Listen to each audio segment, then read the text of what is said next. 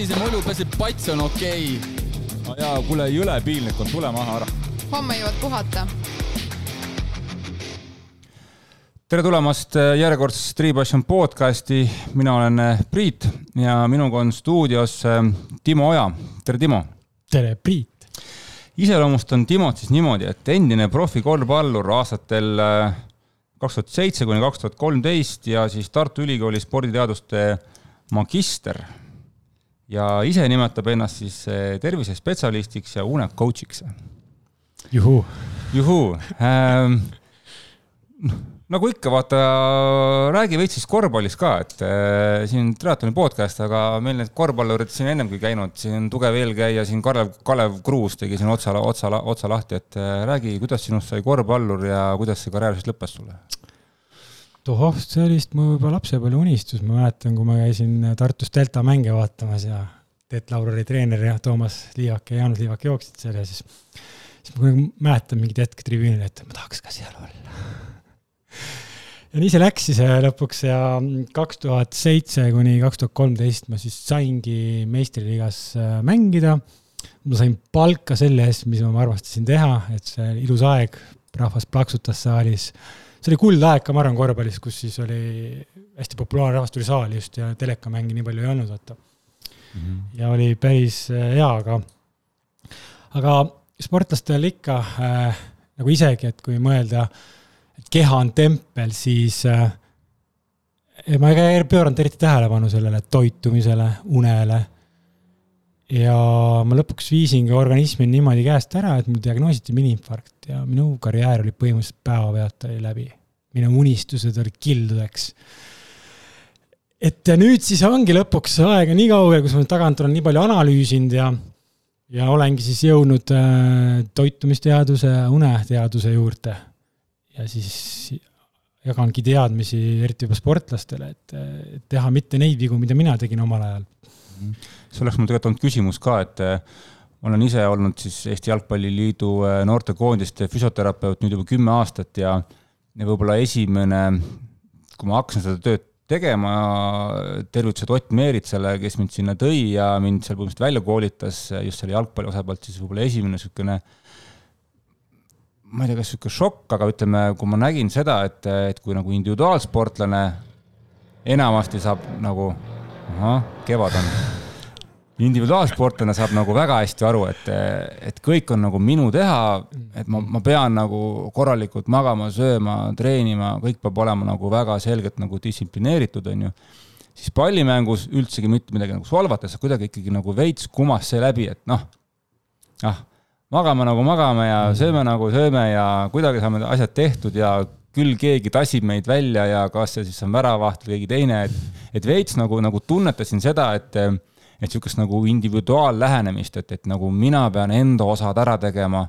seda oli kuidagi vähem, et kuidas sul nagu see hetk oli, kas oli siis ka, kas siis ka korvpallis oli nagu rohkem seda, et noh, et kuidagi teeme need asjad ära ja, või või oli, ma arvan, et ka igas meeskonnas on ju keegi, kes on väga individualist ja kes ju väga selgelt ju tegeleb endaga ja on ju neid vendasid, kes tegelikult ei tee ühtegi lisaliigutust, on ju. jaa, selles mõttes väga hea kohe märkus, et jah, korvpallis on tegelikult sama teema, aga oligi muidugi täpselt neid sportlasi, keda me teame ka, on võib-olla võistkonnaalas rohkem neid trenni superstaare, et kes trennis teeb kõike, aga mängus just ei suuda, et see mängu nagu pinge või kuidagi hoopis teistsugune, ma olen näinud mitmeid mängijaid siukseid, kes on nagu trennis siis laamendavad jõhkralt nagu ja siis, kui mänguks läheb, siis nagu hoopis teine inimene. Mm.. aga jaa, see meeskonna korvpallis samamoodi oli ikkagi, et äh, kõige suurem miinus selles mõttes, äkki sa tahtsid olla korralik, aga vaata, sellel ajal oli ka ikkagi, mäng oli ära, satsi istumine, kui ei tule nagu, mis mõttes sa ei tule, vaata noh. ja, ja see nagu käis eriti võib-olla korvpallis, et ma ei tea, kuidas see jalgpallis ikkagi jaa, sihuke taastumise peale üldse ei mõeldud, ütleme toitumine, noh, ega keegi ei teadnud midagi, ma mäletan, me kunagi vist selle kogu kuue hooaja jooksul vist korra käisime mingi Silmeri juures vist midagi sihukest, aga ei olnud vaata sihukest äh, mitte mingisugust äh, haridust une koha pealt ega toitumise pealt, et jalgpallis on põhimõtteliselt sama ikka. Mm. Aga ma arvan, et eks see on paremaks läinud, siin. Ma olen kümne aastaga, ma näen, et poisid on tegelikult, on tegelikult teadlikumad, toituvad teadlikumalt ja noh, mõtlevad rohkem unenägu peale ja jah, ütleme, et kui päevakavas on öörahu, siis enamasti on öö, öörahu, et sa ei pea nagu meelde tuletama, et ma ei tea, homme on mäng ja peaks nagu puhkama ja taastuma ja mis on, mis on veel võib-olla, mis on nagu läbi kumanud, et kui võib-olla, võib-olla vanasti oli ka see, et noh, et mis iganes teraapiaprotseduure tehti senikaua, kuni tehtud sai. siis praegu on ikkagi, vähemalt noortekoondistes on meil ikkagi väga selgelt see, et uni on kõige tähtsam asi, noh mm.. et kui kell kukub, siis hädavajalikud asjad ainult, meie nagu jätkame, kõik ülejäänud siuksed teeme homme juba. et minge magama, magage, magage välja, vaatame homme uuesti, et võib-olla homme enam polegi mingit nagu muret, on ju. Et, et võib-olla vanasti oli see, et noh, me peame kõik ikkagi üle seal käima ja vaatame üle, on ju, siis praegu on see, et, et uni on nagu tähtsam, on ju. jah, selles mõttes äh, jah, iga sportlane, ma arvan, teab, et uni on see vundament, aga aga lihtsalt, miks ma nagu ka õppisin, spetsialiseerusin une nii-öelda siis coach'iks nii-öelda, et noh, rahvusvaheliselt saab ainult teha ja Eestis ei olegi võimalik öelda, õppida selleks ja kui mõelda, et iga aasta tuleb meil toitumisspetsialisti juurde, treenerid, aga kuna une coaching või unetreenerid, sihukest asja ei ole, siis ma nimetangi ennast esimeseks Eesti unetreeneriks, noh. sest kõik teavad, on oluline, aga kuidas seda teha, vaata, see on nagu see, mis on eriti selle ühiskonnaga muutunud, kui sa oled ka küllaltki minu generatsioonist, mäletad, kuna lapsepõlves, mis sul seal magamistoas teha oli, noh?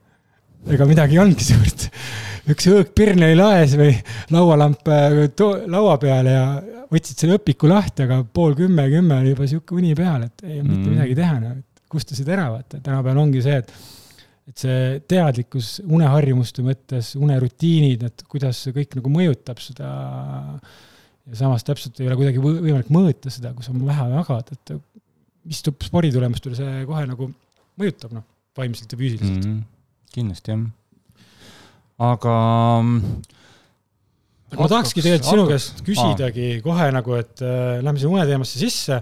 aga esmalt muidugi ka ma tahan öelda, kiita sind, kuradi hea massöör oled ikkagi, ma mäletan kunagi, kui ma esimest korda üldse tulin sinu juurde, siis oli ka mingi hull kaelaprobleem, mingi külma saanud või ära maganud ja siis ma mäletan, ma ei saanud kaela liigutada ja siis tegid imet kohe nagu, et ja sain soovituse ka, et tulla sinu juurde, ütles, et Sirli Hinn kunagi soovitas mm -hmm. mulle nagu siis siis ma respekteerin ka selle mõttes, et sa oskad oma tööd ka päris hästi selle koha pealt. Aga une koha pealt siis kohe nagu ka ennast nagu huvitab, et eriti see triatloni osa, et äh, see on individuaalala vaata just. ja kuidas, sa oled hästi palju seal olnud sees, et kuidas, kuidas teie nagu räägite sellest unest ja kuidas nagu ümberringi inimesed võib-olla mainivad une kvaliteedi suhtes ja magasin kehvasti, kuidas see jutt on ja kuidas su endal nagu unerutiinid on tavaliselt? on sul kindlasti paigas midagi või ei ole? Äh, noh üldiselt eks üritan seda võtta ka jah, kui A-d ja O-d vaata, et eh, uni peab olema paigas, ega muidu ei ole sa trenniks valmis ja trenniks ei taastu ka, onju. aga, aga ütleme, triatloni maailmas, noh, palju me räägime, noh, ütleme, võtame siin kasvõi selle Tripassioni klubi näitel, no ikka üritad kogu aeg rääkida, et ikka peaks ikka nagu magama, aga noh, võtad siin keskmise tööl käiva harrastussportlasena no, treeningud hakkavad ju hilja, äh, lõpevad veel hiljem, on ju, meil on mingid kasvõi ühistreeningud lõpevad noh, kaheksa-üheksa õhtul, on ju mm., ja nagu väga selgelt ikkagi on olnud ka probleeme sellega, et inimesed ütlevadki, et noh, pärast seda, kui jõuad koju ja ja natuke tahad süüa veel ka midagi, on ju, siis on see toiduvalik juba küsimus, on ju, et peaks nagu ikkagi kõigest nagu korralikult sööma, siis jääb kuidagi kõht jääb täis, siis juba sellepärast ei tule uni ja üldse, ega ise ka tunnen, et kui siin mingid päevad ikkagi trenn lõpeb äh, kaheksa-üheksa vahel mm., ega enne kella ühte-teist magama ei jää, noh. isegi kui ma nagu üritaks jääda, et noh, tegelikult ei jää, pigem siis ütledki nii, et noh, ma siis vaatan mingit filmi senikaua, kui kell saab umbes üksteist, siis hakkad alles minema, on ju. ja ja muidugi tänapäeval igast nende nuti, nutikellade ajastus äh, väga paljud nagu jälgivad seda ka vaata, et, et ikkagi magatakse nende kelladega, siis kell hommikul siis ütleb, on ju, et okei okay, mm, -hmm. et kas siis une kvaliteet on mingisuguse, ma ei tea, kas protsendi peal seal, kas ta on hea või halb, äh, tundid äh, ja siis muidugi on see sügava une nagu tund ka, on ju.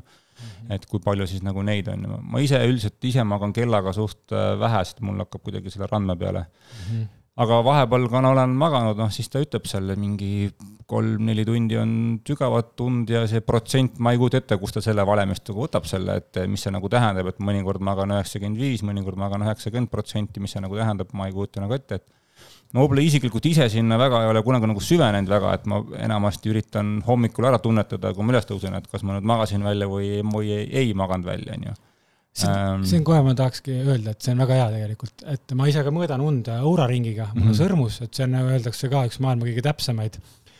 aga kõige suurem miinus on nende jah, et äh, mõõtmistel on see, et nad on oma algoritm. see Mhm. põhimõtteliselt on, nad äh, võtavad sensorid, nad võtavad siis mingi pulsisagedust äh, ja samas nad reageerivad liikumise peale mm. -hmm. ja näiteks Aura ringil oli sihuke, mul on enda pealt hästi sihuke hea näide, kuidas äh, Aura algoritm muutus äh, kaks, eelmise aasta novembris. ja enne seda ma olin aasta aega mõõtnud, see oli põhimõtteliselt niimoodi, et mul oli aasta aega, kui ma selle ostsin, näitas, et ma magan kuus koma neli tundi nii-öelda. ja uus algoritm näitas seitse koma viis samal päeval. mm. -hmm. et, et Ah, see, niimoodi muutus kohe? ja, ja et põhimõtteliselt ma sain vaadata vana ja uut algoritmi ja selle järgi kohe muutus, et seda ei tasugi jah, nii hullult vaadata, pigem hästi tähtis see magamineku aeg nagu. Et mis kell sa magama lähed, kuna ta registreerib sinu magama jäämise mm. mm. -hmm. ja kindlasti peale ülesärkamist mitte ma ei soovitaks vaadata esimesed tund aega, sest seal on platseebo efekt põhimõtteliselt, kui ta ütleb sulle magasid kehvasti, siis sa tunned ennast kehvasti ka, et siuksed uuringud on ka. ma olen ka nõus sellega, et, et jah, et see on igasuguste nende nutiseadmete teema, et et see, mis ta sulle ütleb, seda, seda, seda, seda sa ka nagu tunned, et mul endal kell on ka, millega ma aeg-ajalt magan, siis on mõnikord niimoodi, et ma olen juba üles tõusnud, hambad pesnud, lähen suurde tuppa ja siis ta ütleb mulle, aa, tere hommikust, vaata, ma olen ammu üleval juba, et kuidas sa alles nüüd alles aru nagu said, on ju, et siis noh, siis ma hakkan ka mõtlema, et siis see info ei saa väga nagu täpne nagu olla. aga noh, triatloni koha pealt noh, mis veel, et ma arvan, eks mis ma ise tunnen, et eh, uni on kindlasti parem, mida rohkem sa oled nagu väsinud, et kui treeningud on olnud rasked ja pikad, siis tegelikult eh, unega mul probleemi pole Äh, kui võib-olla ei ole niisugust füüsilist pingutust, siis on ju tegelikult uni kohe pinna peal, sa märkad öösel rohkem üles, võib-olla ei maga nagu välja. ja mis on veel võib-olla, mis siis nagu ütleme, võistluste koha pealt on see, et eh, kes teevad, ütleme siis eh, pikemaid distantse, siis stardid on tihti hästi vara hommikul Jaa. mis tähendab seda, et noh, et start on enamasti seal kuskil kuue-seitsme aeg hommikul vara. et no inimesed tegelikult ärkavad üles noh, mingi neljast on ju äh, orienteeruvalt viiest võib-olla noh, mingi väike söök ja põhimõtteliselt on starti minek, on ju. ehk siis see viimane öö enne starti niikuinii on natukene kehvem, et noh, inimesed enamasti ei kurda seda, et oli, et oli kehvem aga enamasti ikkagi, ma arvan, lühikeseks jääb ja ma arvan, et, et, et miks ta ei kurda, ongi see, et see ärevus on nii suur. no see on umbes, see on umbes sama, et kui sul on mingisugune, ma ei tea, tähtis mingi mm, -hmm. mingisugune eksam või kohtumine on järgmine päev, sa ärkad hommikul tegelikult enne äratuskell ülesse, see kuidagi sulle aju ütleb sulle, et sa pead nagu üles nagu tõusma, et ma ma ei mäleta, et ma oleks kunagi enne olulist võistlust hommikul pidanud kella peal ärkama, see oli, sa oled juba, noh, sul on tegelikult juba mingi kuus kolmkümmend silm on lahti, et mm. kuigi sa võiksid magada näiteks kuni ma ei tea, kella, ma ei tea, ma ütleme siis, ma ei tea, mingi seitsmeni on ju, aga, aga ikkagi see kuidagi kohe, kui see vist hakkab nagu ma ei tea, aju hakkab ärkama, see tegelikult kohe kui ütleb sulle, et okei okay,, sul on täna väga-väga oluline päev, nüüd on vaja üles tõusta, et, et niisugune. Meil on jah, tegelikult see, et mis meid äratab, ongi see alateadvuslik pinge on ja see on stressiga vaata seotud, stressihormooni ja keha hakkabki tegelikult ju meil, äratushormoon ongi kortisool, mis hakkab kolme-nelja aeg tootma. eks see öö teises pooles ongi see uni alati pinnapeal seal mm. -hmm. seal hakkab olema rohkem nii-öelda seda remmund, millest ma rohkem sisse lähen pärast. ja see ongi see, et su keha juba hakkab loom-, sul on kerge pinge sees kehas ja nüüd hakkab loomupäraselt veel rohkem seda stressihormooni tootma ja nüüd ongi see, et sa oled seal viiest võib-olla mm -hmm. üleval, neljast üleval ja ja, ja nii ongi. aga, aga jah, see, ma just vaatasin ka mingeid uuringuid, kui ma siin äh, loenguteks valmistusin ja eelnevalt ja siis ka tegelikult ongi see, et enne neid suuri võistlusi on probleem magamisega, aga kas nii-öelda tippspordis ka ja triatlonis, kas on mingeid siukseid unerutiine äh, tulnud sportlaste, kes kasutavad teatud nagu mingit, sest uuringu kohaselt oli ka põhimõtteliselt, et äh, kuskil üle viie, viiskümmend kuus protsenti äh, puudub kindel rutiin sportlastel. kolmkümmend neli vaatab telekat, äh, kuusteist protsenti vaatab äh, raamatut ja see on hästi minimaalne mingi meditatsioon, et kas, kas sa oled ka tähele pannud, keegi räägib, et tal on mingi kindel rutiin või sul endal? mm,? nii ei tea, et keegi oleks rääkinud, aga noh, kasvõi seal, ütleme seal spordifüsiotöös, kui ma käin koondistega ja kasvõi isegi ikka ma üritan ikkagi jah, et see oleks nagu võimalikult sarnane, et ütleme, kui me ka mingisugused, ütleme, korraldame mingid laagrid, on ju, siis üritaks niimoodi, et see, ütleme siis ülestõusmine ja, ja mingi öörahu kellaaeg oleks enam kogu aeg nagu sama, vaata. et see väga palju ei muutuks, et noh, et ma ei tea, et oleks kogu aeg sama kellaaeg ja ma arvan, see minu jaoks on kõige lihtsam rutiin see, et iga õhtu peaks sama kella pealt magama minema, noh, et siis see juba annab nii suure nagu eelise äh, kõiki muu asjade eest. aga kui sul und ei tule, mis sa teed? Siis on keeruline jah ei ole praktikat siukest, mis sa teed? ega ei olegi midagi jah, ega siin on olnud ka neid perioode, siin just see sügis oli ma ei tea, mingist muudest eh, stressoritest, vaimsest pingest, eh, ikkagi väga tihti oli see, et eh, nagu mõtled mingeid mõtteid, mingid, lahendad mingeid probleeme, mis ei ole võimalik lahendada see õhtu, aga oma nagu peas siis ketrad seal ja siis järsku vaatad, kell on juba pool kaksteist, on ju, et mm. et see tegelikult ei ole ka lõpuks hea, on ju, et aga kui ei jää, noh siis äh, raske nagu öelda. Ei olegi praktikat. ei olegi, noh, no siin vahepeal sul on niisugune tunne oli, et kõik neelasid neid melotoniini tablette, aga ja, ja, ja see on äh, isegi laagrites meil, ma tean, et äh, neid võetakse, et, et lihtsalt see... kas siis samamoodi mingi ülepingetest asjadest äh, vist on ka, ei jäeta magama, siis ikka võetakse, olen isegi võtnud, aga äh, ma ütleks, et äh, see on nagu niisugune narkootikum natukene, et äh, algus töötas väga hästi, nüüd viimasel poole aasta jooksul põhimõtteliselt pole enam üldse võtnud, sest et ma tunnen, et enam ei aita mind, et siis ma nagu ei võta üldse enam, põhimõtteliselt rohkem pole kasutanud. selle koha pealt ma kohe ka nagu jagaks soovitust, äh, et ma, ma algul muidugi puudutanud seda, et kuidas ma nagu selle toitumise üldse juurde jõudsin ja une, et siis kaks tuhat kaheksateist mingi hetk lihtsalt lambist oli, ma ei tea, elus ka siuksed muutuste aeg vist ja siis ma hakkasin lihtsalt seda toitumisteadust hullult sisse minema, tegin hullud muutused nagu ja, ja siis mul nagu jahmatas nagu, et kui ma tegin mingi toidulauas nagu muutused, siis minu nagu vaimne seisukord paranes täiesti, et mul teinekord, vaata, hakatakse tegelema spirituaalsusega, võib-olla niisuguse mõttemaailmaga, siis kui mina muutsin toitumist, siis minu nagu see kogu nagu asi muutus, see oli minu jaoks hästi huvitav ja siis ma nagu seal paeluski kogu see asi. aga uneni ma jõudsin, ma arvan, kuskil kaks tuhat üheksateist lõpus, kui ma äh, hakkasin mingit toodet tegema, ma hakkasin mingit niisuguseid sinise valguse kaitseprille müüma, õigemini ma otsisin Hiinast mingi tehase nagu ja siis ma hakkasin hullult selle une teadusesse sisse minema ja siis ma nagu hullult nagu avastasin mingid asjad enda jaoks, kuidas siis minu une kvaliteet paranes aga siin kohe selle praktika juurde, et äh, miks me ei jää magama, üks, üks head lahendus, ma ka jõudsin mingi hetk, oli Wim Hofi hingamismeetod. ja sellega pani mind mõtlema selle üldse sellele hingamise mõjule. ja, ja miks me tegelikult ei jää magama teinekord, üks asi ongi meie autonoomses närvisüsteemi tõttu, ehk siis sa tuled äh, peale trenni koju, sul on pinge peal põhimõtteliselt, aga sinu närvisüsteem ongi hästi aktiviseerunud, see tähendab, su keha toodab siis kortisooli ja adrenaliini. Ja nüüd siis kuidas on võimalik kõige paremini seda mahu, raha rahustada, ongi hingamine, ehk siis kasti hingamised või sihuke, sihuke praktika lihtne hakata tegema näiteks. Ja see siis põhimõtteliselt annab siis teada meie nii-öelda diafragma kaudu tuleb meie, läheb uitnärvi info ajule, noh. Et me hakkame kõhuga hingama ja siis autonoomne närvisus saab aru, et aa, okei okay,, nüüd peaks pulsi alla võtma, nüüd on chill, nüüd on aeg taastuda, lõdvestuda, lähme nüüd parasümpaatilisse närvisüsteemi ja nüüd siis hakkavad need taastumise protsessid, su keha hakkab tootma uuesti melatoniini, unehormooni ja nüüd, et see, mida ma eriti näen individuaalspordialas, sest individuaalspordialas on just neid uneprobleeme kõige rohkem, sest see ongi, sul on peapinge ju, sina vastutad ja, ja kõige rohkem naiste puhul just veel, kes on emotsionaalsemad, vaata. ja siis ma kohe nagu jah, soovitan siin, kes siin kuulajadki täpselt, et mingi hingamispraktika endale tuua unerutiini sisse, on see kasti hingamine, on siis lihtsalt ninasõrme hindamine. Ja põhiline asi see, et sa hingad pikemalt välja sest meie organism ongi see, et me hingame, ütleme, viis sekundit sisse ja siis näiteks kaheksa sekundit või kümme sekundit välja, siis on selle diafragmale see info, et nüüd on nagu rahulik seisund, lõõgastume sinna alla käib siis kõhu hingamine ka?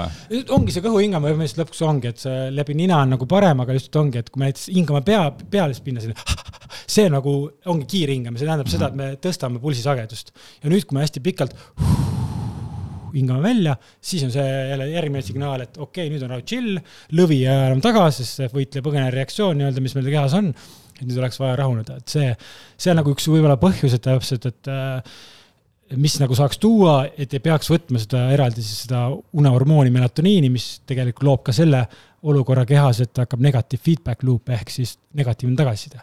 meie keha hakkab tootma vähem hormooni selle tõttu, mhm. kui me võtame lisaks hormooni mm. -hmm. mis see kasti hingamine täpsemalt on? Äh, box breathing, see on põhimõtteliselt niimoodi, ütleme, et äh, sekundid kas neli, kaheksa, kaksteist on nagu neli, neli sekundit hingad sisse, hoiad hinge kinni, neli sekundit hingad välja, hoiad hinge kinni ja siis jälle neli sekundit sisse, et hakkabki nagu põhimõtteliselt mm -hmm. käima okay. niimoodi okay.. et see on nagu sihuke, aitab sul välja lülitada mõtted ka, kui sul on nagu peas kogu aeg mõtted, sa keskendud hingamisele ja nüüd siis su keha rahuneb ja ja teine kindlasti lahendus, mina kasutan jooga nidra, ah oh, siis juhitud meditatsioon, ehk siis äh, sa paned äh,, leiad Youtube'is näiteks niisuguse hääle et äh, soovitavalt, mulle meeldib nagu naise hääl, mulle ei meeldi, kui mees sosistab kõrvaga, siis põhimõtteliselt hakkab rääkima siis keha skaneerimine, ehk ta ütleb, et mõtle oma jalgadele, mõtle oma põlvedele või mingi pinguta lihaseid korra, et mul on sihuke hästi hea ise ma kasutan mingi kümneminutiline sleep meditation on nagu sihuke ja kümne minutiga ma suudan viia sellesse lainesse, et algul lihaste pingutamine, siis on hingamine, siis on see, ta räägib, et nüüd sa lähed pilvega leidad taevasse, et viib su mõtted korra eemale ja siis on lõpuks sihuke lõõgastav muusika, sihuke binaural beats või sihuke hästi sihuke monotoonne. ja nüüd selle kümne minutiga ma suudan ennast täiesti niimoodi unelainel olla. -hmm. et see on nagu sihuke hästi hea häkk, mis ma võin jagada sulle linki ka vaata seda, et saad oma, oma keskkonnas võib-olla siis kuskil soovitada seda et äh, need oleks kaks sihuke esimesed kohe nagu täpselt, et. Äh, nagu sa nüüd räägid jah, et siis ma mõtlen, et ma isegi jätsin sügise poole ka, et kui olidki need siuksed võib-olla uinumismured või kasvõi see, et samamoodi nagu sa ütlesidki, et kuskil kella, kella kolme paiku öösel ärkad üles ja enam mm, -hmm. enam edasi ei maga või ütleme, et nagu nii-öelda nagu magada, aga tegelikult ei maga ka, et hästi palju oli ka seda, siis ma mingi hetk avastasin, et jah, niisugune siis nagu see mõtete, ütleme siis nagu juhtimine, et ära mm -hmm. siis mhm. mõtle oma nendele muremõtetele, vaid äh, kas või siin Raimo Ülemere podcast'ist oli see, et hakka, ma ei tea, lugema midagi või arvutama midagi, no ühesõnaga tee mingeid niisuguseid hästi mm -hmm. lihtsaid asju, et nagu lollita see oma ahvi aju ära ja siis lõpuks ikkagi nagu jäid nagu palju oluliselt kiiremini nagu äh, magama äh, Neid asju ka jah. kusjuures ma olen seda täheldanud, ma ise ka olen tegelikult hästi pinnapealse unega, et äh, kui ma, kuigi ma tean, siis see minu jaoks ongi huvitav, et ma olengi sellepärast võib-olla hästi sinna rabbit hole'i läinud, et äh, sellepärast, et ma ise vaheldan samamoodi öö teises pooles magamisega ja teinekord ma olen tähele pannud seda, et kui sul sa üritad magama jääda teises pooles, tee silmad korra lahti. kui sa teed silmad lahti ja sa keskendud mingi punktile, siis kaob korra mõttemuster kaob ära isegi, ma olen seda täheldanud mm. et kui silmad kinni, siis sul käibki kogu aeg see mingi film nagu mingist olukorrast või asjast.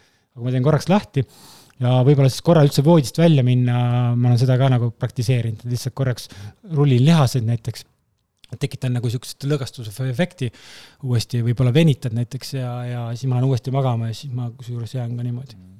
mis sa arvad, eh, ütleme, tulles tagasi nüüd selle nii-öelda eh, vastupidava sportlase poole, et eh, mingi lõunaunedest, et kui magada lõunal ka mingi, no mingi tunnikene, noh, lastage silm kinni ja tõesti jääd seal magama, tõmmagi tuba pimedaks ja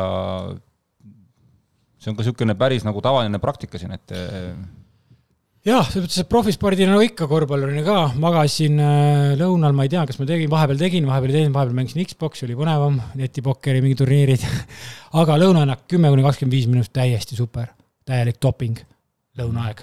et ma läksin ka nende lõunaünnakute uuringutesse sisse ja, ja see ongi see, et meil on nagu erinevad unestaadiumid. Äh, kui me üldse nagu magame, ma-, magamise nagu ülesehitust räägime, siis äh, meil une, öö jooksul toimub siis põhimõtteliselt äh, viis üheksakümne minutist unetsüklit. ehk meile räägitakse võib-olla kaheksa tundi, üheksa tundi undi, siis tegelikult täiskasvanud inimene vajab äh, tsükleid magamiseks, üheksakümne, üheksakümne minutit tsükleid. ja teinekord võib-olla ongi see, et miks sa võib-olla väsinud oled, sa ei, ärkad mitu korda üles, sa saad täistsüklit kätte ja see tsükkel hakkab alati niimoodi, et sa oled esimeses faasis, äh, esimene kuni seitse minutit on esimene faas, unestaadium, kerge uni, sealt sa lähed teise unestaadiumisse, mis kestab kümme kuni kakskümmend viis minutit. ja sealt lähed sügavasse unne, mis on siis äh, delta unefaas. ja kõiki neid unestaadiumid tegelikult äh, äh, selgitab siis ajulained, õigemini meil on neli põhitüüpi ajulainet. ehk me praegu räägime, me oleme beetas. nüüd, kui me hakkame kergesse unesse jääma, siis me oleme alfas. alfa on siis see meditatsiooniseisund või niisugune kerge äh, unelemine, mingi unistamine näiteks duši all, sul tulevad mingid asjad, ideed pähe, see läheb alfas asja, ajuained läheb vaiksemaks põmm-põmm, et äh, kõnnid metsas või jooksed näiteks, siis on ka, sinu aju on nagu niisugune, tekivad ideed, võib-olla mõtted nagu triatlonis kindlasti, ma arvan, siin sportlased, sa noogutad ka, et mingid asjad tulevad pähe. ja nüüd me siis liigume sealt järgnevalt teetasse, teeta on siis see alateadvuse ähm, uks siis nii-öelda, et meil on nagu reaalne mõistus, teadvuslik mõistus ja siis alateadvus. Ja siis teeta nii-öelda, mis toimub siis REM-unes näiteks äh,, unenägude unes, et kus siis hakkab igasugused ulmelised ideed tulema, mingid loovuse asjad, probleemi lahendused, öeldakse ka, et õhtu on hommikust targem. ja ja ongi see kümme, kümme kuni kakskümmend viis minutit ongi see, kus me vajame seda und selleks, üks asi, me, et meie motoorika saaks uuesti salvestuda, ehk õigemini meil toimuvad siis unes spindlid. Meil on niisugused pulseeriv elektrivool sellel äh, teise staadiumi unes.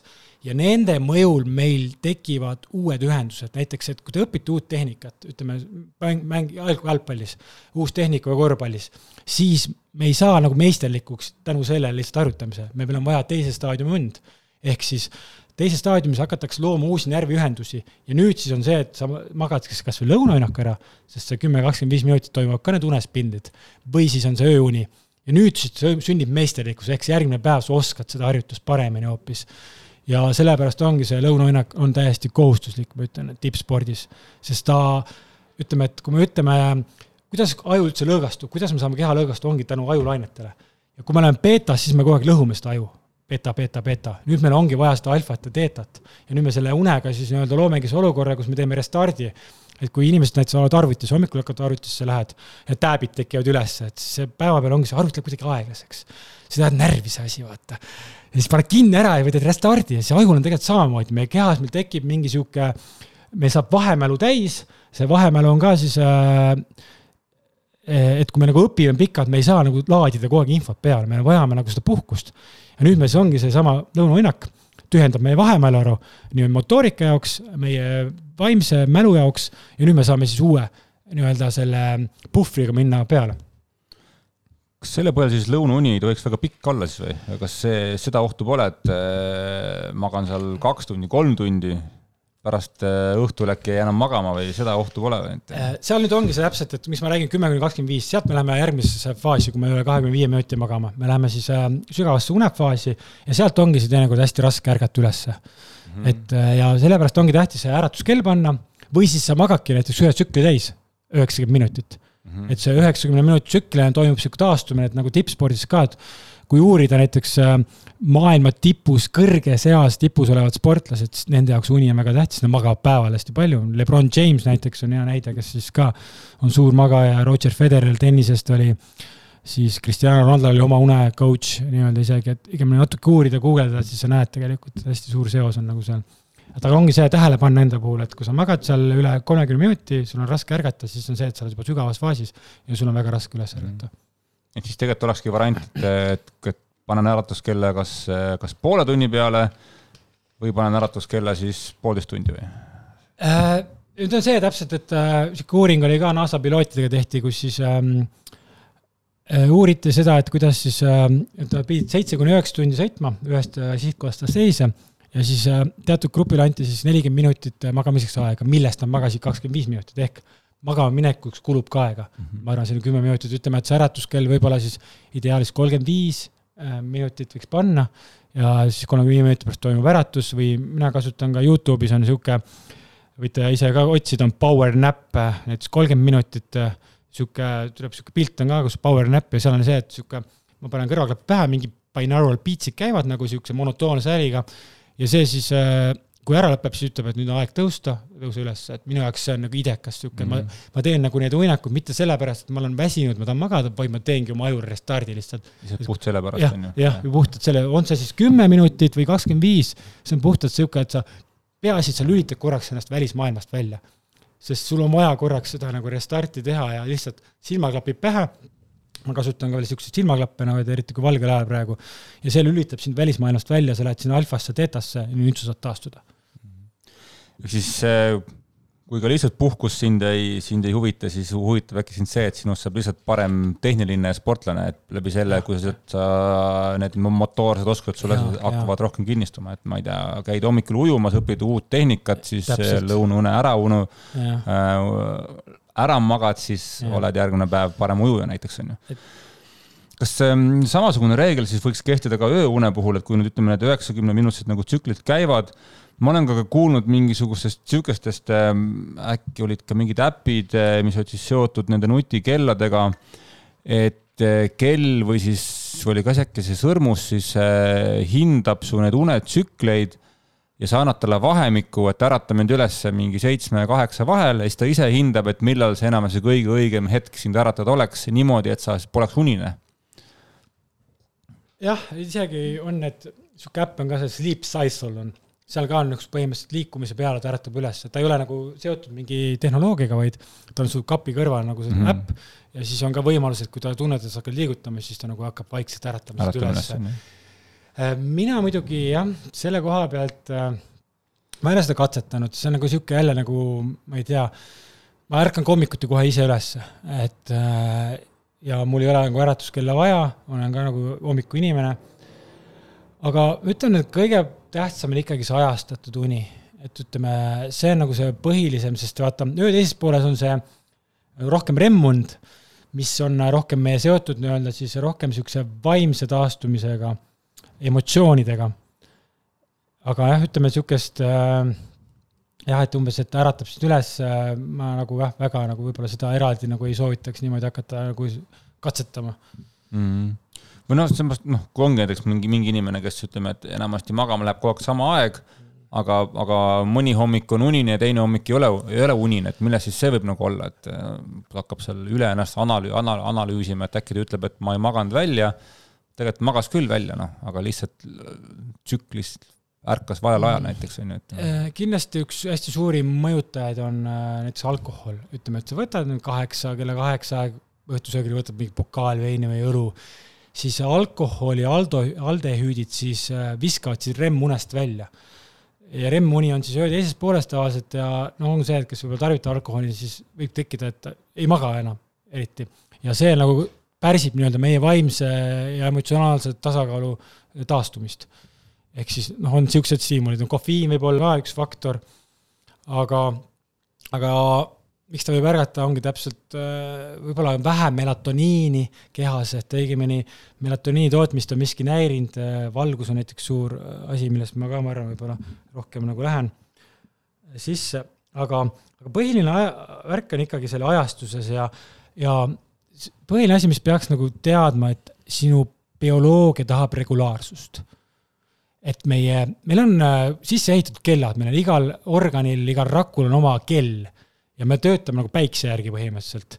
ja, ja me peame nagu sellega arvestama, et evolutsiooni mõttes nagu oligi, vaata, kui enne, kui pirn leiutati, siis äh, külarahvas istus äh,, käisid algul siis kuskil kütis tehti lõke, söödi, aeti juttu, story sid räägiti ja siis mindi magama, noh, et tänapäeval lihtsalt on see keskkond nii muutunud ja, ja me peame mõistma seda, et üks asi on nagu valgus hästi suur, aga see regulaarsus, sellepärast et meil nagu hormoonid siis, äh, kasvuhormoon, melatoniin on ajastatud, õigemini kella üheksa aeg, siis üheksa poole kümne aeg hakkab keha tootma siis melatoniini, ehk siis äh, tead, kui sa hakkad haigutama AK uudiste ajal, spordiuudiste, siis hakkab keha juba tootma selleks, et ta valmistada ette sind une jaoks, et melatoniini roll on siis, üks asi on, kujuta ette, saja meetri stardikohtunik, kes annab pauguna, siis melatoniin annabki kehale teada, et okei okay,, nüüd on aeg magama minna, tõmmake nüüd hoogu maha, hakake selleks valmistuma.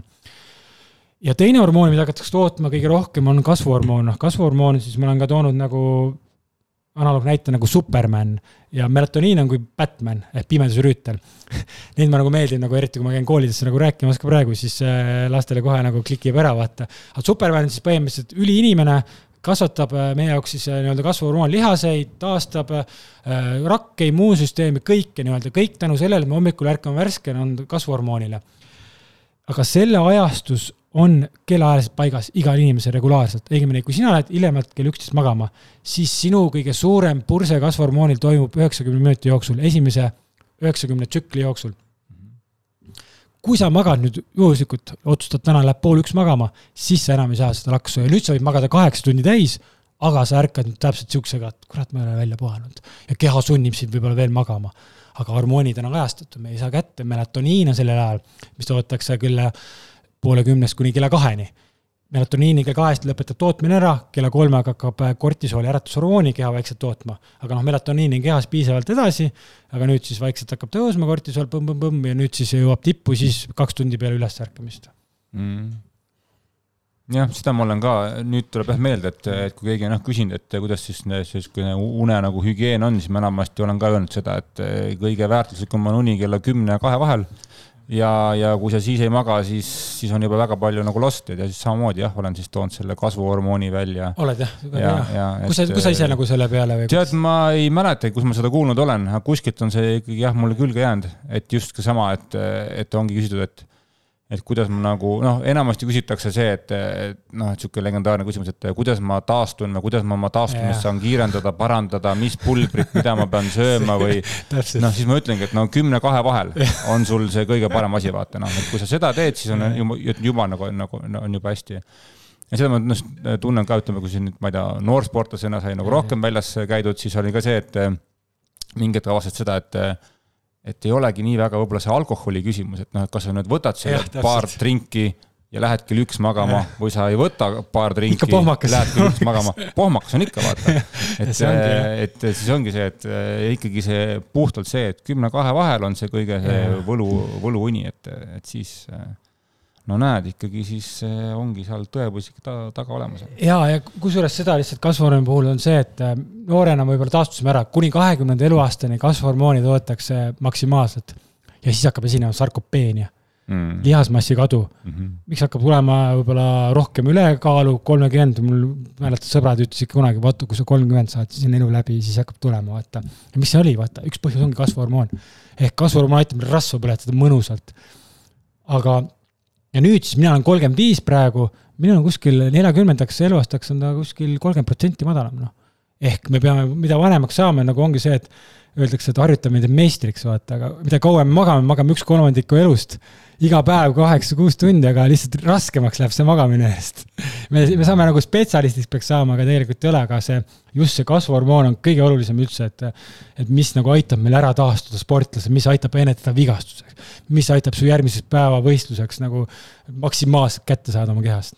See on huvitav see paradoks, et, et, et elada kvaliteetsemalt ja kauem, sa pead magama kauem, et tegelikult noh, sa ju kaotad tunnid ära, no nii-öelda, kui sa noh, need ütleme siin mingisugused superinimesed siin, ma ei tea, mingid startup'id räägivad, et ei, kella viiest on äratus ja õhtul ma ei tea. kella viie klubi, kella viie klubi. kella viie klubi mehed on ju, kuulad neid podcast'e, mõtled, noh, tundub nagu lahe mõte, aga no mina küll ei suudaks niimoodi funktsioneerida, et mul kuidagi, ma nagu tunnen, et jah, et oled kuidagi parem inimene, kui sa oled nagu paremini maganud, on ju, et seal tuleb see ka täpselt, et jälle see oma mingi uskumus, et äh, on geneetika ka, kolmkümmend protsenti on siis äh, üks Michael Breus siis äh, toob välja, on siis nelja tüüpi geneetiliselt magajat, ehk siis on delfiin, hunt, lõvi ja karu, noh. et, et oh, räägi, räägi veel. et on, et noh, Mati, Matthew Walker teine ütleb, et on lõokased öökullid, noh, kes siis pikalt magavad, vaata, ja kes siis on hommikuinimesed, kes ei ole, noh. ja, ja siis on veel üks sihuke doktor Panda ka nii-öelda, kes on ka, uurib seda tsirkaadirütmi, siis tegelikult äh, see nagu annab ka mõista, et on sihukest uuringut tehtud, kus siis need öökullid uneprobleemide, insomniaga viidi metsa kaheks päevaks, valgusest, kõigest asjadest, tehnoloogiast, kõik. ja tulid kõik välja, olid lõokesed no põhimõtteliselt Mm. et äh, ei tasuks seda geneetikasse nii palju kinni jääda, et ma olengi selline, aga pigem see täpselt see keskkond, mis surub meid kauem üleval olema. me ei saa nüüd välja puhata, aga meie nii-öelda regulaarne unerütm tegelikult võib-olla ütlebki, et sa võiks tegelikult üksteist magama minna, vaata. jah, see on nagu see legendaarne film Mehed ja nutad, kõikidel olid uneprobleemid ja pärast oli vaja natuke olnud tööd teha.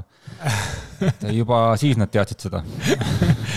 jah, sellel ajal nagu üldse ei olnud probleeme, vaata nende uneasjadega, nüüd järjest on, et see tehnoloogia on nagu kahjuks on sihuke aeg, kus me nagu peame nagu rohkem.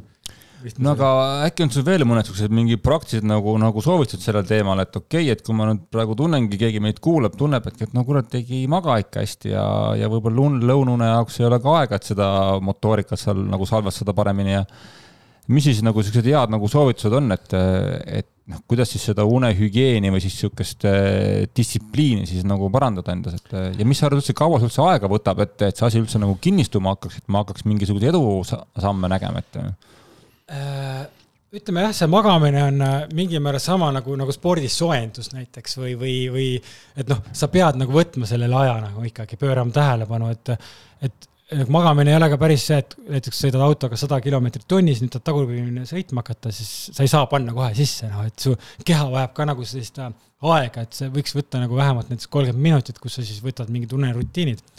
aga mis mina nagu enda jaoks, minul hakkab põhimõtteliselt, kui ma nagu hiljemalt ütleme kakskümmend kaks, viiskümmend on minul tulek kustus, siis äh, minul hakkab kell kümme peale see. et esimene asi, mis ma siis teen, on see, et äh, tehnoloogiast üritan välja minna. ehk telefonis, arvutiga lõpetan nagu töö ära. üks põhjus on see, et aju stimuleerimise mõttes ma kohe nagu tunnen, kui ma näiteks poole üheteistkümneni olen näpin seda telefoni, mingeid asju kirjutan võib-olla siis on kohe nagu see, ma närkan, ehk üks põhjus on see dopamiinisüsteem ehk õigemini me oleme hästi fokusseeritud keha nüüd on toodud dopamiini, melatoniini tootmine on natuke sihuke häiritud, ehk see sinine valgus ka noh veel, mis siis nagu mõjutab, kuna meil on siis, silmas on valgustundlikud rakud ja siis tekib põhimõtteliselt selle erksa valgusega on see, et meil tekib melanopsiin ehk siis äh, blokeeritakse ära melatoni tootmine, et, et äh, sest noh, meie bioloog on niimoodi üles ehitatud, äh, et tema nagu peaks pime aeg olema, nüüd me saame valgust näkku, siis bioloog ütleb, mis nüüd toimub, kas ma pean magama minema või mis ma nüüd tegema pean siis, et ma ei saa aru täpselt. sest meie silmad on nagu ainukesed ähm, äh, sellest pimedusest ja valgusest võtavad äh, infot vastu nagu ja meie silmad on põhimõtteliselt aju osa, noh, et, et, et siis on see, et telefonist see eredust maha võtta. ja mina panen isegi selleks, et punaseks valguseks ja kui sa mõtled ka näiteks äh, päikseloojangu peale äh,, lõkketule peale, siis hästi mõnus sihuke mahevalgus, sihuke pehme. et jaanitule, kui sa vaatad seda valgust, tuleb uni peale, kui sa mõtled mingile sündmusele, kui sa jaanitulel olid, siis see, see lõkketuli on hästi mõnus kaminas näiteks. ja see ongi see, et valguslainetusel on erinev nagu valgusmõju. ja see ongi, et noh, päeval on praegu sinine valgus on äh, suurem nagu ja nüüd siis õhtupoole läheb oranžikaks, siis see punane pirn mingil määral teeb sama, et, et ta aitab nagu luua seda ähm, homostaasi or organismile, noh siis järgmine kindlasti on kuum dušš näiteks võtan, ehk siis äh, kui me tahame sügavasse unne jääda, meie temperatuur läheb madalamaks. kuum mhm. dušš tõstab algu ülesse või siis saun kaks-kolm tundi, see on peale trenni saun ideaalne, tõstab kasvuhormooni taset veel ja ideaalne uneks une jaoks. aga nüüd siis ta tuleb, hakkab temperatuur langema ja nüüd siis äh, sa saad minna sügavasse unne, et kui sa une, unele mõtled nagu suve ajal, kui kuumusega no täiesti võimatu magada, vaata. Mm.. ja üks see temperatuur on üks siukseid tähtsamaid, et hoida seal sügavas unes, et näiteks kui sul on, kui sa öösel tõmbad kogu aeg teki alt jalga välja, siis, siis on märk sellest, et sul liiga palav see tekk peal, et sa pead nagu vahetama seda voodi nagu linasid, võib-olla rohkem niisugust puuviljast, satiini et liiga sünteetiline, lase kehal hingata, noh, ja nüüd siis hakkad seda jalga välja tõmbama, käed paned teki peale, et sellepärast ka üks põhjus, et meil on nagu kõige suuremad veresooned on käopesas, jalad allades ja siin ja need on kolm kohta, kus keha jahutab kõige kiiremini või nii-öelda tõstab temperatuuri mm.. mingeid küsimusi veel? mis, mis see temperatuur, ütleme, toatemperatuur, noh, ideaalis võiks umbes olla siis, kui ma tahaks magada? no see on jah, öeldakse kaheksateist kuni kakskümmend kaks, aga puhtalt see on individuaalne jälle, vaata, et kui elukaaslasega oled, siis on see, et noh, tema ei taha võib-olla nii jahedat äh,, tekib see, et võib-olla siis pigem on see määrav see, et kui paks tekk sul peal on, noh. -hmm. mina magan näiteks kahe tekikotiga et ma ei saagi ja siis hommikupoole, kui kehatemperatuur on kõige madalam, kaks tundi enne ülesärkamist, siis ma võtan vaikselt teki peale, siis mul on jahe olla noh et see, et nii-öelda hommikupoole külm on, see on isegi täitsa nagu okei okay,, on ju, et kuna temperatuur on ongi, meil on ju hormonaalne põhimõtteliselt kell, meil ongi näiteks hommikul, kui mehed üles ärkavad, siis on testosteroon kõige kõrgem ja me teame seda. Mm. -hmm. tekivad mingid isud ja asjad, et, et meil ongi kõik paigas, meie reaktsiooniaeg näiteks pool neli vist oli kõige kiirem, noh, et meil ongi, paljud rekordid võivad tulla mingi kergejõustikus heal ajal võistlemine soodustab rekordite tekkimist tegelikult, et me, ongi see päikse järgi käib, meie hormonaalne süsteem, hommikul ärkame üles, me tehakse restart ja nüüd kõik toimuvad siuksed asjad, noh. et hästi palju infarkte ja insulte on äh, hommikupoole just, siis toimub ka hästi kiire vererõhu tõus äkitselt siin kuus nelikümmend viis või kuus kuus et eriti siis neid juhtub siis, kui kella keeratakse, vaata nii võeti. jah, mul oleks kohe nüüd järgmine küsimus, et kogu selle jutu baasil, et äh, meil just äh, keerati siin kella mingid mõned nädalad tagasi, et mis sa sellest nagu arvad, et? Äh, no see on jah, teaduse poolt ikkagi, see on äh, nii kahjulik, noh, et äh, meie keha tahab seda regulaarsust ja, ja, ja noh, mingi poliitiline rohkem, et ei tea, miks seda ei muudeta, ei tea, kuidas, miks see on täpselt. mul läks selle aastaga, läks, läks eriti halvasti, et ma olin koondisega läksime Iirimaale turniirile no.. Iirimaaga on ajavahe kaks tundi. ja Iirimaal olles oli siis kellakeeramine ka veel ehk siis mul oli kümne päeva jooksul äh, kolm, kolm korda midagi jälle muutus, vaata, et äh, esiteks oli kahetunnine ajavahe, mis siis äh, lõppes sellega, et hommikul läks uni vara ära, noh, seal oli kell oli vist mingi kuus või seitse, mul oli uni, uni juba läinud, okei okay,, selle ma lahendasin ära, läksin trenni hommikul, oli fine. siis oli kellakeeramine, siis nagu just hakkasid nagu sinna rütmi saama, juba päris mõnus oli rütm, siis läks jälle, jälle, jälle, jälle läks paigast ära ja siis, kui lõpuks äh, tulin tagasi koju, noh, siis oli vaps eduksis no. siis oli jälle kõik nagu valesti, no et siis tegelikult, no et siis oli, kodus oli juba hommik, aga tegelikult minu jaoks oli kell, äh, oli veel nagu öö, noh, et et see oli jah, päris nagu keeruline selle kümne, kümne päeva jooksul, et, ähm, et no vaatab, äkki, äkki nad ikka siis lõpetavad ära selle pulli, noh. ütleme jah, see on nagu veel eriti ja ütleme, mida nagu noh, kuhu peaks nagu lõpuks see sport minema, et ongi need ajavahed ja kuidas me nüüd kohaneme hästi kiirelt, on ka tegelikult ma kasutan ka biohacking'is siukseid prille punase klaasiga nagu, mis ka nagu võimaldaks seda häkkida nii-öelda seda oma une ajastamist umbes, et öötööl on nagu ka vaata sihuke asi, kus siis kui sa tuled töölt, et sa peaksid nagu natukene vältima seda valgust just, et mingid siuksed äh, asjad nagu peaks nagu kindlasti sealjuures olema spordi mõttes ka nagu, et, et kus ta maksimaalselt, et see une kvaliteet mõjutab kõike nagu, vaata, aga lähetegi kuhugi hotelli, te magate mingi teistsuguse padjaga näiteks ka hästi keha nagu asend on hästi oluline ka, et, et sul oleks nagu sirgelt nii-öelda see äh, horisontaalis see keha, et, et äh, mingi padi, näiteks oma padi ja näiteks oligi Nick Littlehays, kes oli üks äh, maailma esimesi une coaching ud, siis tema oli jalgpalli Manchester Unitedi juures, jalgpalli selle satsi juures ja, ja siis tema nagu tõi sisse mingi, et ta, et läksid kuhugi vist MM-ile või, või olümpiale, siis oli ka ta enne seda hotellitoad olid kõik nagu tehtud niimoodi, et nad tunneksid võimalikult kodus, et mm. et tegelikult kui me läheme hotellituppa, meie aju vaata on ka ju ellujäämisorgan ja me magame võõras kohas, väga raske magada ja siis on ka mul siuksed nagu tööriistad, kuna ma olen pinnapealse unega, siis on näiteks ähm, white noise äh, aparaat on mul, ehk ma panen kõrva lähedale, panen äh, siukse monotoolse heliga äh, mängima, et ma ei kuuleks võib-olla mingi kõrval keegi norskab või mhm. kõrvaltoas keegi lärmab, et et koridoris keegi ja, kõnnib ja, ja täpselt, need hotelli täpselt. uksed kinni ja. lahti käivad, need käivad korraliku pauguga alati, et, et. vot see, mille peale nagu tegelikult spordis mõjutab, mõelda, vaata, et, et me läheme teise keskkonda, me läheme kõige tähtsama tiitlivõistlusele mm. -hmm. ja nüüd me magame mingi, mingis sitas voodis võib-olla ja halb padi nagu, et kõik tegelikult siuksed nii-öelda sihuke,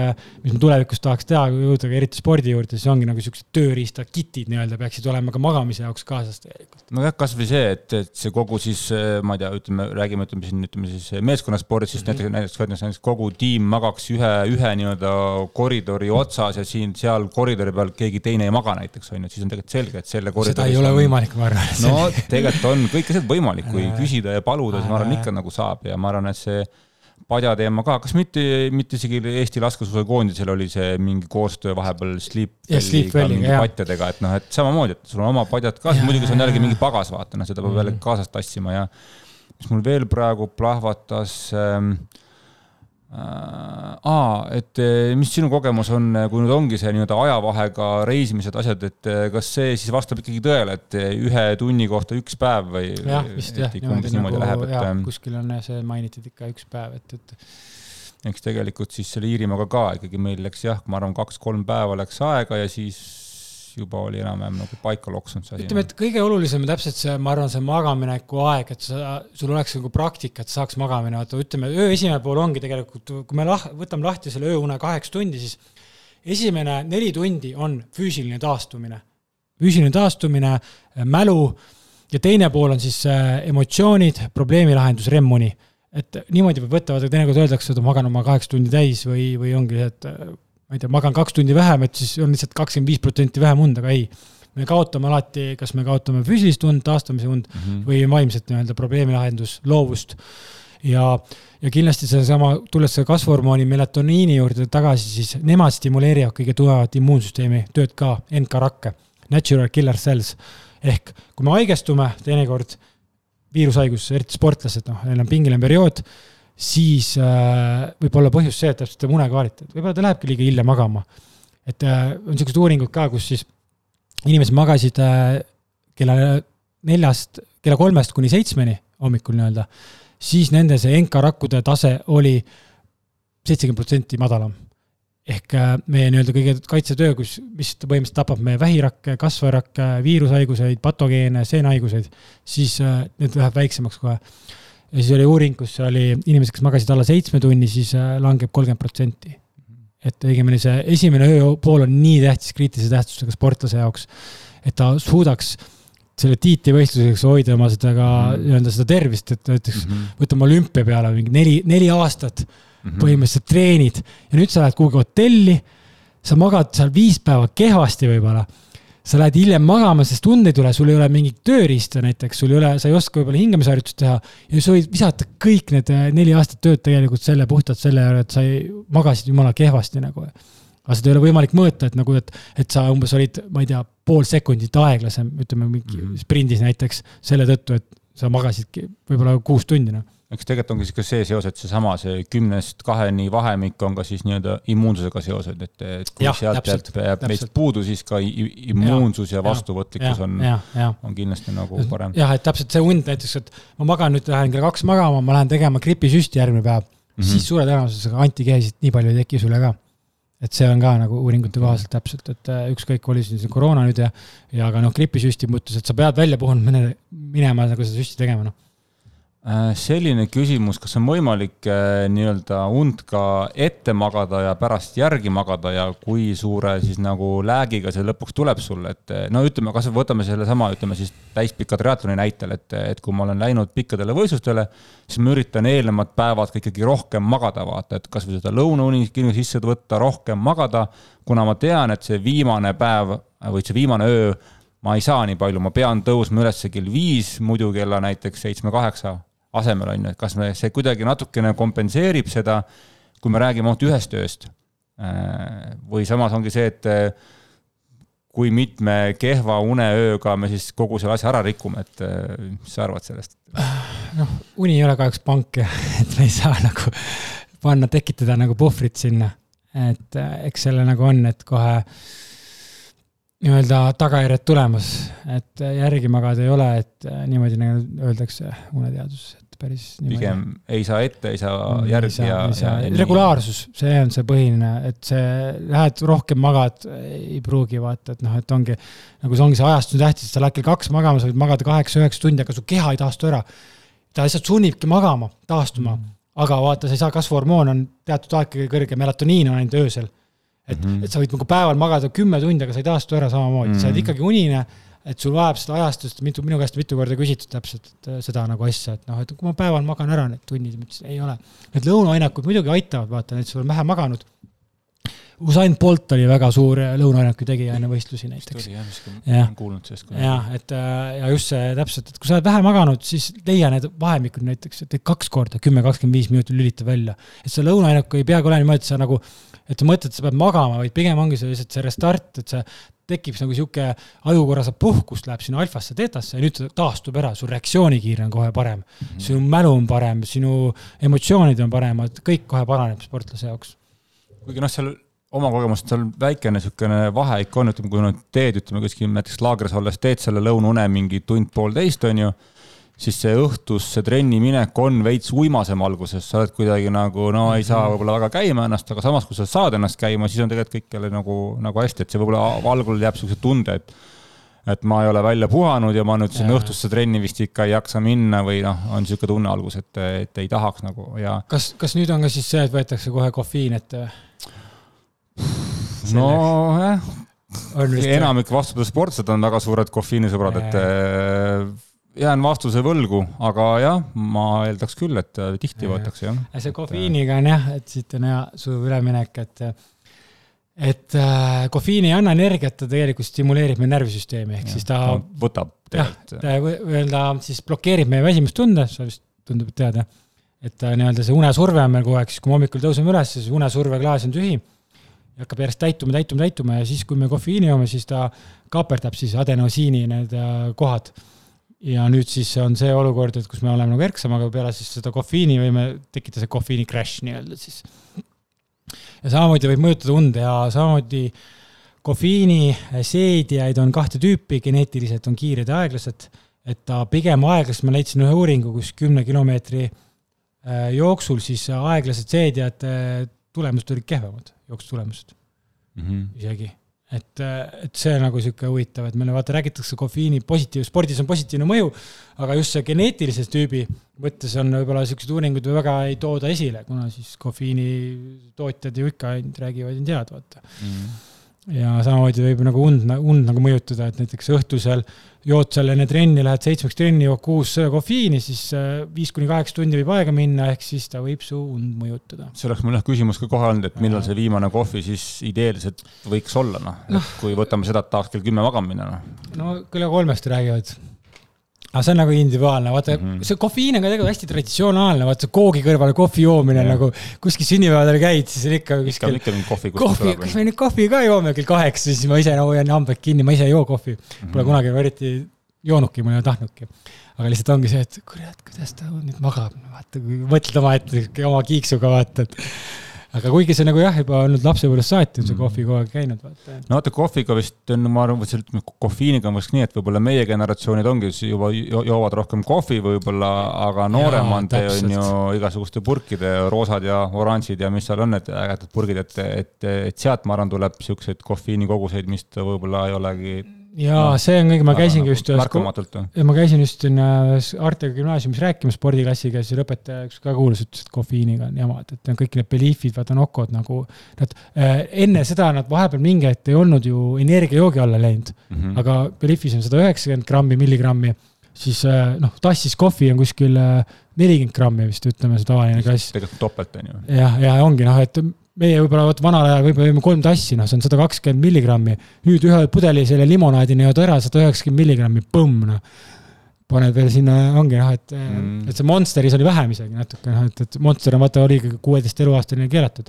aga mingi hetk nüüd läks nagu Belief vist, ma ei tea, Nocco ka vist on nüüd ka sellel, et et see noorte jah, see generatsioon on kõige rohkem saab pihta selle äh, kofeiini. sealt on juba siis ka seos, et miks siis õhtuti magama jääda, vaatan, et no. jah, täpselt ongi ma ütlen, et see kofeiin, ma arvan, põhiline see valguse teema nagu ikkagi see melatoniin ja et see sinine valgus telefoni, et ma ei tea, kuidas see kofeiin äh, täpselt äh,, peaks katse tegema endale. minu kogemus on ka see, et äh, mul on mingid perioodid olnud elus, kus ma võin õhtul ja. juua normaalset kohvi ja, ja ma kukun ära ja, ja ma, ma magan ja ma arvan, et seal on see mingisugune see crash'i teema vaata veits, et see on umbes, vaata umbes nagu sa oled hästi palju, ma ei tea, magusat söönud ja siis ja. lähed pikutad, siis kohe jääd nagu magama, onju. ma arvan, et seal on kuidagi veits nagu midagi nagu ma arvan sarnast, et kusjuures tehakse, Michael Browsil on ka see coffee nap, et põhimõtteliselt joo kohvi ära ja lähed kohe magama nagu mingi sihuke häkk on nagu, ma ei tea, kuidas see on täpselt. ma olen kuulnud, eh, mingid eh, ratturid on rääkinud seda, et, et seal on ka vahe, et eh, kas on siis see nii-öelda piimakohv, cappuccino või siis espresso okay.. et, et väidetavalt. espresso oli parem vist või? ja, ja, ja, et kohe, kui sa hakkad seda nagu nii-öelda lahjendama, siis see imendumine on ah, kauem ja, ja, ja see võtab aega läbi jah, just, just noh, läbi selle nagu rasva mm, -hmm. et tegelikult, et sa nagu noh, et see, et see nagu erksus tuleb hiljem ja püsib kauem, et nad mm. ütlesid alati, et võta mingi topelt espresso, lõpeta see piimaga ära, ära see asi, on ju, et sa saad kohe laksu kätte ja see laks kaob ära ka, vaata noh et eh, seda minu arust räägiti kunagi jah, et eh, seal vist oli see ka mingi huumori pool, et, eh, et üldse seal vahepeal oli see arusaam, et igasugused nagu piimatooted on hästi ei kindel, ei rasvasused ja ütleme, seal on see, et noh, et peab olema hästi nagu fit ja lean ja kõik see teema, et, et siis on jah, see juba see cappuccino koore lisamine oli väga-väga ei oli, et okay. aga noh, see on muidugi seal pildi lõhkajäämine, ma arvan, sellel nagu teemal on äh, taastumise mõttes ma vaatasin märkmeid ka, et me kui me kasvuhormoonist rääkisime, siis korra selle vigastuse mõttes ja nagu selle, näiteks väga, teil on hästi palju kõõluste probleeme võib-olla, sidemete, siis hästi oluline teada täpselt, et kui sul on nagu vigastus või probleem, siis kindlasti oled kuulnud kollageen, vaata. kollageen nagu aitab hästi palju, et äh, mida vanemaks me saame, mida vähem kasvuhormooni, seda vähem keha toodab kollageeni, et siis toidulisandina kindlasti naised muidugi eriti võtavad, kuna siis see on nagu ilu jaoks, vaata naha jaoks, siis hästi oluline teada täpselt see ajastu tunes, kasvuhormoon võtab selle kollageeni ja nüüd toimub kollageeni süntees alles. ja nüüd siis hakkab keha nagu taastama sinna kohta, et õigemini me võime seda kollageeni sisse lahmida, aga kui me kell kaks magama läheme, siis me ei saa sellest mingit kasu, vaata mm. -hmm. et just sportlasega mõttes ka, kui sul on vigastatud või mingi asi, sa taastud, siis see hästi oluline, distsipliinilt kinni hoida, kindlasti samal ajal magama kogu aeg regulaarselt mm. -hmm. eks ka nii-öelda nii-öelda pehmekohaliste lihasvigastuste puhul samamoodi see kümnest kaheni uni ikkagi ja. jälle omal, omal kohal, noh ega jah, siin jah, siin negatiivset poole polegi, peab hakkama ikkagi kümnest kaheni magama äh,. ütleme, et jah, ütleme, et hiljemalt üksteist, ütleme kümme nagu jälle sihuke, et me ise ka ei suuda äh,, aga ma nagu näen ise, et enamus inimesed magavadki võib-olla seal seitsmeni, kuueni, poole seitsmeni, vaata, et, et see üksteist oleks võtta nagu sihuke optimaalne aeg, ma ma enda pealt nagu tunnen, et kui peale seda, siis on kohe nagu raskem. Et mõnel muidugi jah, võib-olla kümme võib-olla, kui saab, aga sportlased jah, võib-olla ongi, uni on parem, vaata ise ka ma panin tähele, kui ma vahepeal rohkem tegin sporti, siis oli uni parem, aga nüüd on kehvem kohe, kui ma ei tee nagu. et see nagu hästi hea retsept ongi see spordi tegemine, et, et aga jah, kuigi liiga hilja vaata, siis ongi see närvisüsteem on nii aktiviseerunud, et siis äh, võib-olla raskem, aga siis ongi see hingamispraktika juurde tuua, kuum dušš äh,, magneesiumglütsinaat võib-olla kindlasti on ka nagu lahendus siis, et äh, eriti sportlastele, kui higistame, siis higis on üks osa on kindlasti ka magneesium ja glütsinaat on siis äh,, magneesium üldse kuni kaheksa sorti, siis glütsinaat on just, toetab nagu seda une, une teemat. et äh, kui poest osta niisama oksiid on hästi halvasti imenduv, et kindlasti vaadata, mis kvaliteediga see magneesium on. kas on veel mingeid äh, toiduaineid või siis toitusid, mida võiks kindlasti lisada oma menüüsse, et siis parandada just kas siis seda une kvaliteeti või üldse mingit taastumist äh, treeningutest? no sportlasel on, ma arvan, see toidumenüü on küllaltki okei okay,, vaata, et üks asi äh,, kuidas siis tehakse üldse meie õnnehormooni ja melatoniin ehk siis äh, trüptofaan tuleb valgulistest toitudest, sealt siis võetakse, tuuakse viis ATP-d ja sealt omakorda siis serotoniini. Ehk me trüptofaanist tehakse siis õnnehormooni ka meie soolestikus üheksakümmend protsenti õnnehormooni siis äh, tulebki siit, et see soolestiku roll on hästi oluline, vaat selle juures, kuhu me täna väga sisse ei lähe. aga just ongi, et omavahel seotud, uni ja toitumine, vaata, et hästi tähtis. et ma, kui ma räägin nagu unest alati, siis ma, ma pean mainima seda ka, et, et toidust tuleb see tooraine une jaoks. ja nüüd serotoniinist õhtul tehakse melatoniini lõpuks.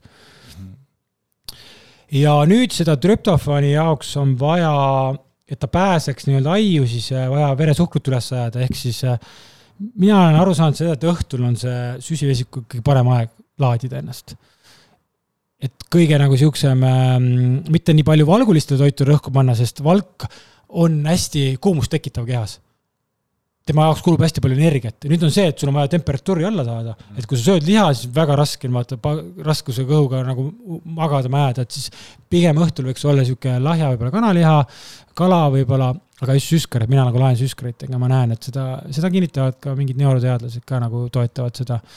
et, et, et see on nagu sihuke laadimise aeg rahulikult. see tegelikult on ju risti vastupidimine, mis siiamaani arvatud on ju, põhimõtteliselt. jah, et ütleme, et noh, Silmer nagu, tema nagu ütlebki täpselt, et võiks valgurohke toit olla ja hommikul siis süskarit palju. et mina natuke olen seda teistmoodi keeranud, sest kui me räägime nüüd äh, valgu koha pealt äh, ka, siis uuringud näitavad, et hommikuses pooles omastab keha paremini valku kui on õhtuses. uuringut tehti üks kahe tuhande kahekümne esimese uuring, algul tehti rottidega, lõpuks mindi kuuekümne viie aastaste naiste peale. ja siis äh, lihtsalt äh, ühed sõid õhtul, ühed sõid äh, hommikul ja tugevuse näitajad paranesid selle põhjal ma arvan, et siin on see arvamuste poolega, seal on ka väga, sõltub, kel, kelle, kellele me ütleme, seda, seda nagu soovitust anname, et mm -hmm. kui me mhm. võtamegi tavainimese, kes võib-olla ei liiguta ennast, siis temal võib-olla tõesti ei ole mõtet õhtul väga süsivesikurikast toitu süüa, sest et ta nagu ei kuluta seda ära, on ju. aga sportlase mõttes näiteks mina eile õhtul äh, siin viie, viie, viiekümne kraadiga sõitsin ratas kaks tundi õues, on ju, noh, come on, kui ma nüüd süsivesikult nagu peale ei söö, siis äh, lähen nagu seda teed, et aa, ma peaks rohkem mingit valgulist sööma, siis mu noh, kindlasti ma ei, noh, ei taastu ära, järgmine päev, järgmine hommik ma ei ole nagu noh, nagu valmis jälle uueks nagu trenniks, et, et selles mõttes see ja. nagu sõltub hästi palju, et kui sa ikkagi oled selle õhtul trenni teinud, siis ma arvan, peaks sööma. et ma nagu jah, et äh, väga nagu selle trenni toitumisse ei lähe, et ma ei ole nagu spetsialiseerunud üldse, mina lihtsalt olen näinud, mis mulle, minu peal toitub ja mis nagu mõned uuringud, et et eks see eraldi jah, see menüü on teinud puhtalt ikkagi jah, sööte ka kohe niimoodi, imete kohe selle energia sisse ka, et et, et muidugi jah, et täpselt, mis kellaaeg sa trennid ja kõik see on oluline. aga jah, see on küll, ma arvan, point, et äh, kui sa nüüd ütlesid seda, et see nii-öelda noh, tegelikult on ka loogiline ka, et see ütleme siis valgulise rasva seedimine, imendumine on kauem, võtab energiat, tekitab soojust ja, ja läbi selle võib-olla ei jäägi magama, sest et keha tahab tegelikult maha jahtuda, et jah, et ja süsivesikurikast on tõesti, ta ju seedib kiiresti, annab oma energia ära ja kõht on noh, kiiremini tühi tegelikult, et see, see on küll nagu point, et ja mis ma olen ise ka juurde avastanud, et noh, kuna siin on ka palju olnud juttu sellest, noh, sellest getodieetidest on ju selle sissetoomine, et, et et mitte niisugune nagu klassikaline süsivesiku hommikusöök äh, võid võtta ka sinna juurde mingit valgulist mm., noh, ma olen hakanud rohkem võib-olla mingit muna sööma, niisuguseid asju hommikuti, siis tõesti nagu see täis, täiskõhutunne ja energia kuidagi, energeetiline olek on nagu kauem mm, -hmm. mis muidu oli, tekkis noh, see tühja kõhu tunne tuli kiiremini mm -hmm. päeva peale ja võib-olla hommikupoolsed treeningud ka, no olid ju kuidagi nagu raskemad, kuna see kõht läks tühjaks kiiremini, et nüüd on seda vähem jah, see valgu, valgul ja rasval on küllastusõnne suurem, vaata, et see kindlasti, kui sa sööd putru, siis kindlasti valku, aga, aga lihtsalt ongi, valk võiks ikkagi hommikusöögil olla sellepärast, et su keha kasutab ära öösel öelda, ehitabki üles aminohappe, et sul oledki defitsiidis hommikul. ja seda enam tegelikult ongi sellepärast, miks me imendame hästi, me oleme täiesti keha defitsiidis ja nüüd on vaja ruttu taga, Mm. tagasi saada, vaata. et sellepärast nagu imendubki kiiremini, paremini omandamise võime nagu mm.. et seal võiks hoida siis jah, kehakaalu kohta nüüd ma olen uuringut ka, et üks koma kolm kuni kaks koma kaks nüüd oleneb jälle sellest. grammi kalku. jah, et, et seda, mina ise nagu hoian seda, mina tegin selle vea, kus ma nagu nii-öelda lihasmassi jaoks on vaja teatud kogus leutsiini saada, ehk kui me räägime üldse valgu, valgust ei saa rääkida lihtsalt valgust, me peame rääkima üheksa amino, kasendamatu aminohappest. ehk me saame nagu valguga alati aminohappeid, mis siis äh, stimuleerivad meie valgusünteesi, liha nii-öelda, mida on vaja siis me, et meil oleks siis, saaksime hoida järjepidevalt seda lihasmassi või siis tõsta oma seda.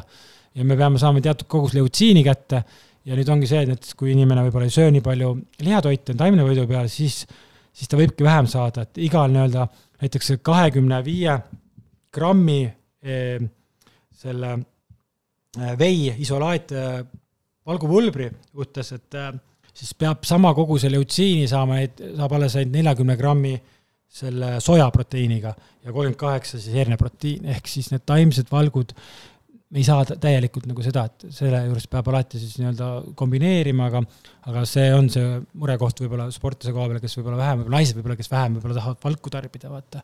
ongi see taimse valgu niisugune ka hästi palju nagu räägitakse, aga sellest ei räägita täpselt, et, et need asendamatust aminohapetest. et need äh, nii-öelda saada, me peame päris palju kaloreid rohkem sööma, et saada kätte see kogus. mm.. Nii on jah. nii, ega mul vist äh, une poole pealt ega väga vist enam midagi küsida, vaatan korraks märkmed üle. ja ka vist. Et tähtsamad asjad on nagu jah, sihuke unerutiin ikkagi võiks tulla nagu sihuke, ongi siis äh, mingid lihasrullimised enne magamaminekut äh,, akupunktuur, mingi nõelpadi vaata või venitused, jooga, et et see võiks olla see uneharjumuse juures üks tähtsamaid elemente, et äh, just sellel võistlusperioodil ka, et sul oleks mingid tööriistad, mida sa saaks kasutada, noh, sest äh, ütleme, et see unepuudus on nii-öelda, mõjutab kõiki kehaorganeid, vaata, ja seda ei ole võimalik mõõta, et nagu, et äkki ma oleks saanud kiiremini, et, et see on nagu nii oluline. Nagu sa ise ka tead, see ajastus ikkagi, et kümnest kaheni nagu on see.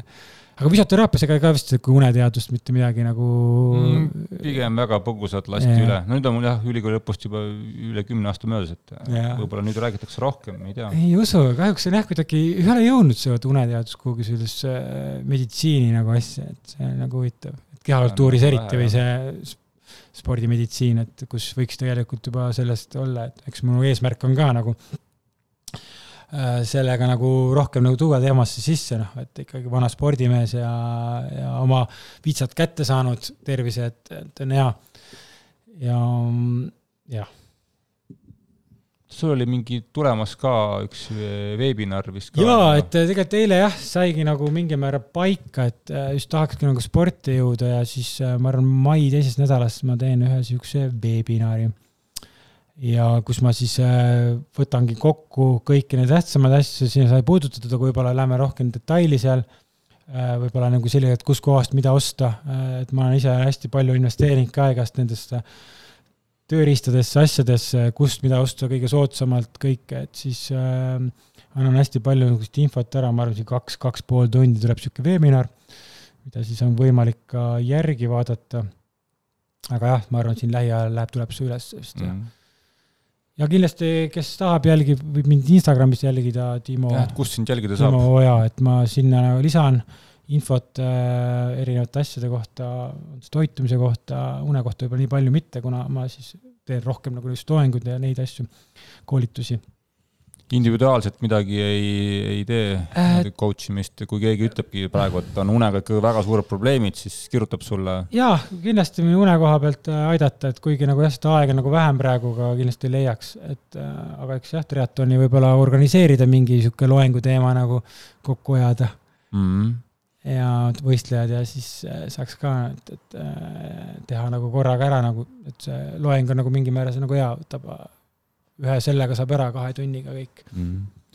ma nii palju ütlen veel lõpetuseks siia siukse lause veel, et äh, üks ähm, Eesti tuntud äh, maailmameister kellega mul vahepeal oli veits koostööd aastaid tagasi, Marko Luhamaa, karateka, Tartu poiss, ma arvan, sa tead teda väga hästi et väidetavalt Markol oli siis külmkapi peal üks silt, millega tal oli kõige rohkem probleeme ja sildi peal oli väike tekst ja teksti sisu oli siis, et mine kell kümme magama et see oli ainuke asi, et, et kõik Väga see äge. muu nagu ütleme, see, et noh, see distsipliini pool, mis seal on yeah., esiteks oli võitlusalad, karate yeah., kõik see treeningutel käimine, kõik oli nagu paigas, vaata no, ma arvan, kõik tippsportlased või üldse sportlased on väga tegelikult distsiplineeritud, on ju mm. aga, aga, aga et tuua siis sisse veel see unedistsipliin oli siis see, millega ta tihti siis nagu noh, eksis, et võib-olla ta mm siis nagu tundis või ta juba sai siis sellel hetkel juba mingisugust nii-öelda nõu kuskilt kus öeldi talle see, ma arvan, seesama asi, et noh, kümne-kahe vahel on vaja mm. magada, on ju, et tal oli sellega mingid probleemid seal ja siis tal oli jah, et tal ei olnud siis külmapi seal peal see, et eh, tahan saada maailmameistriks, on ju, siis ta veel ei mm. olnud.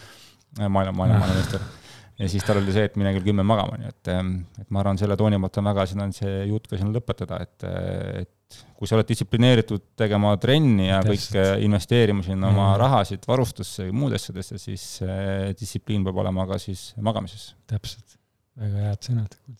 kuule, aga aitäh sulle, Priit! jah, aitäh, et tulid! kohtumiseni! tšau!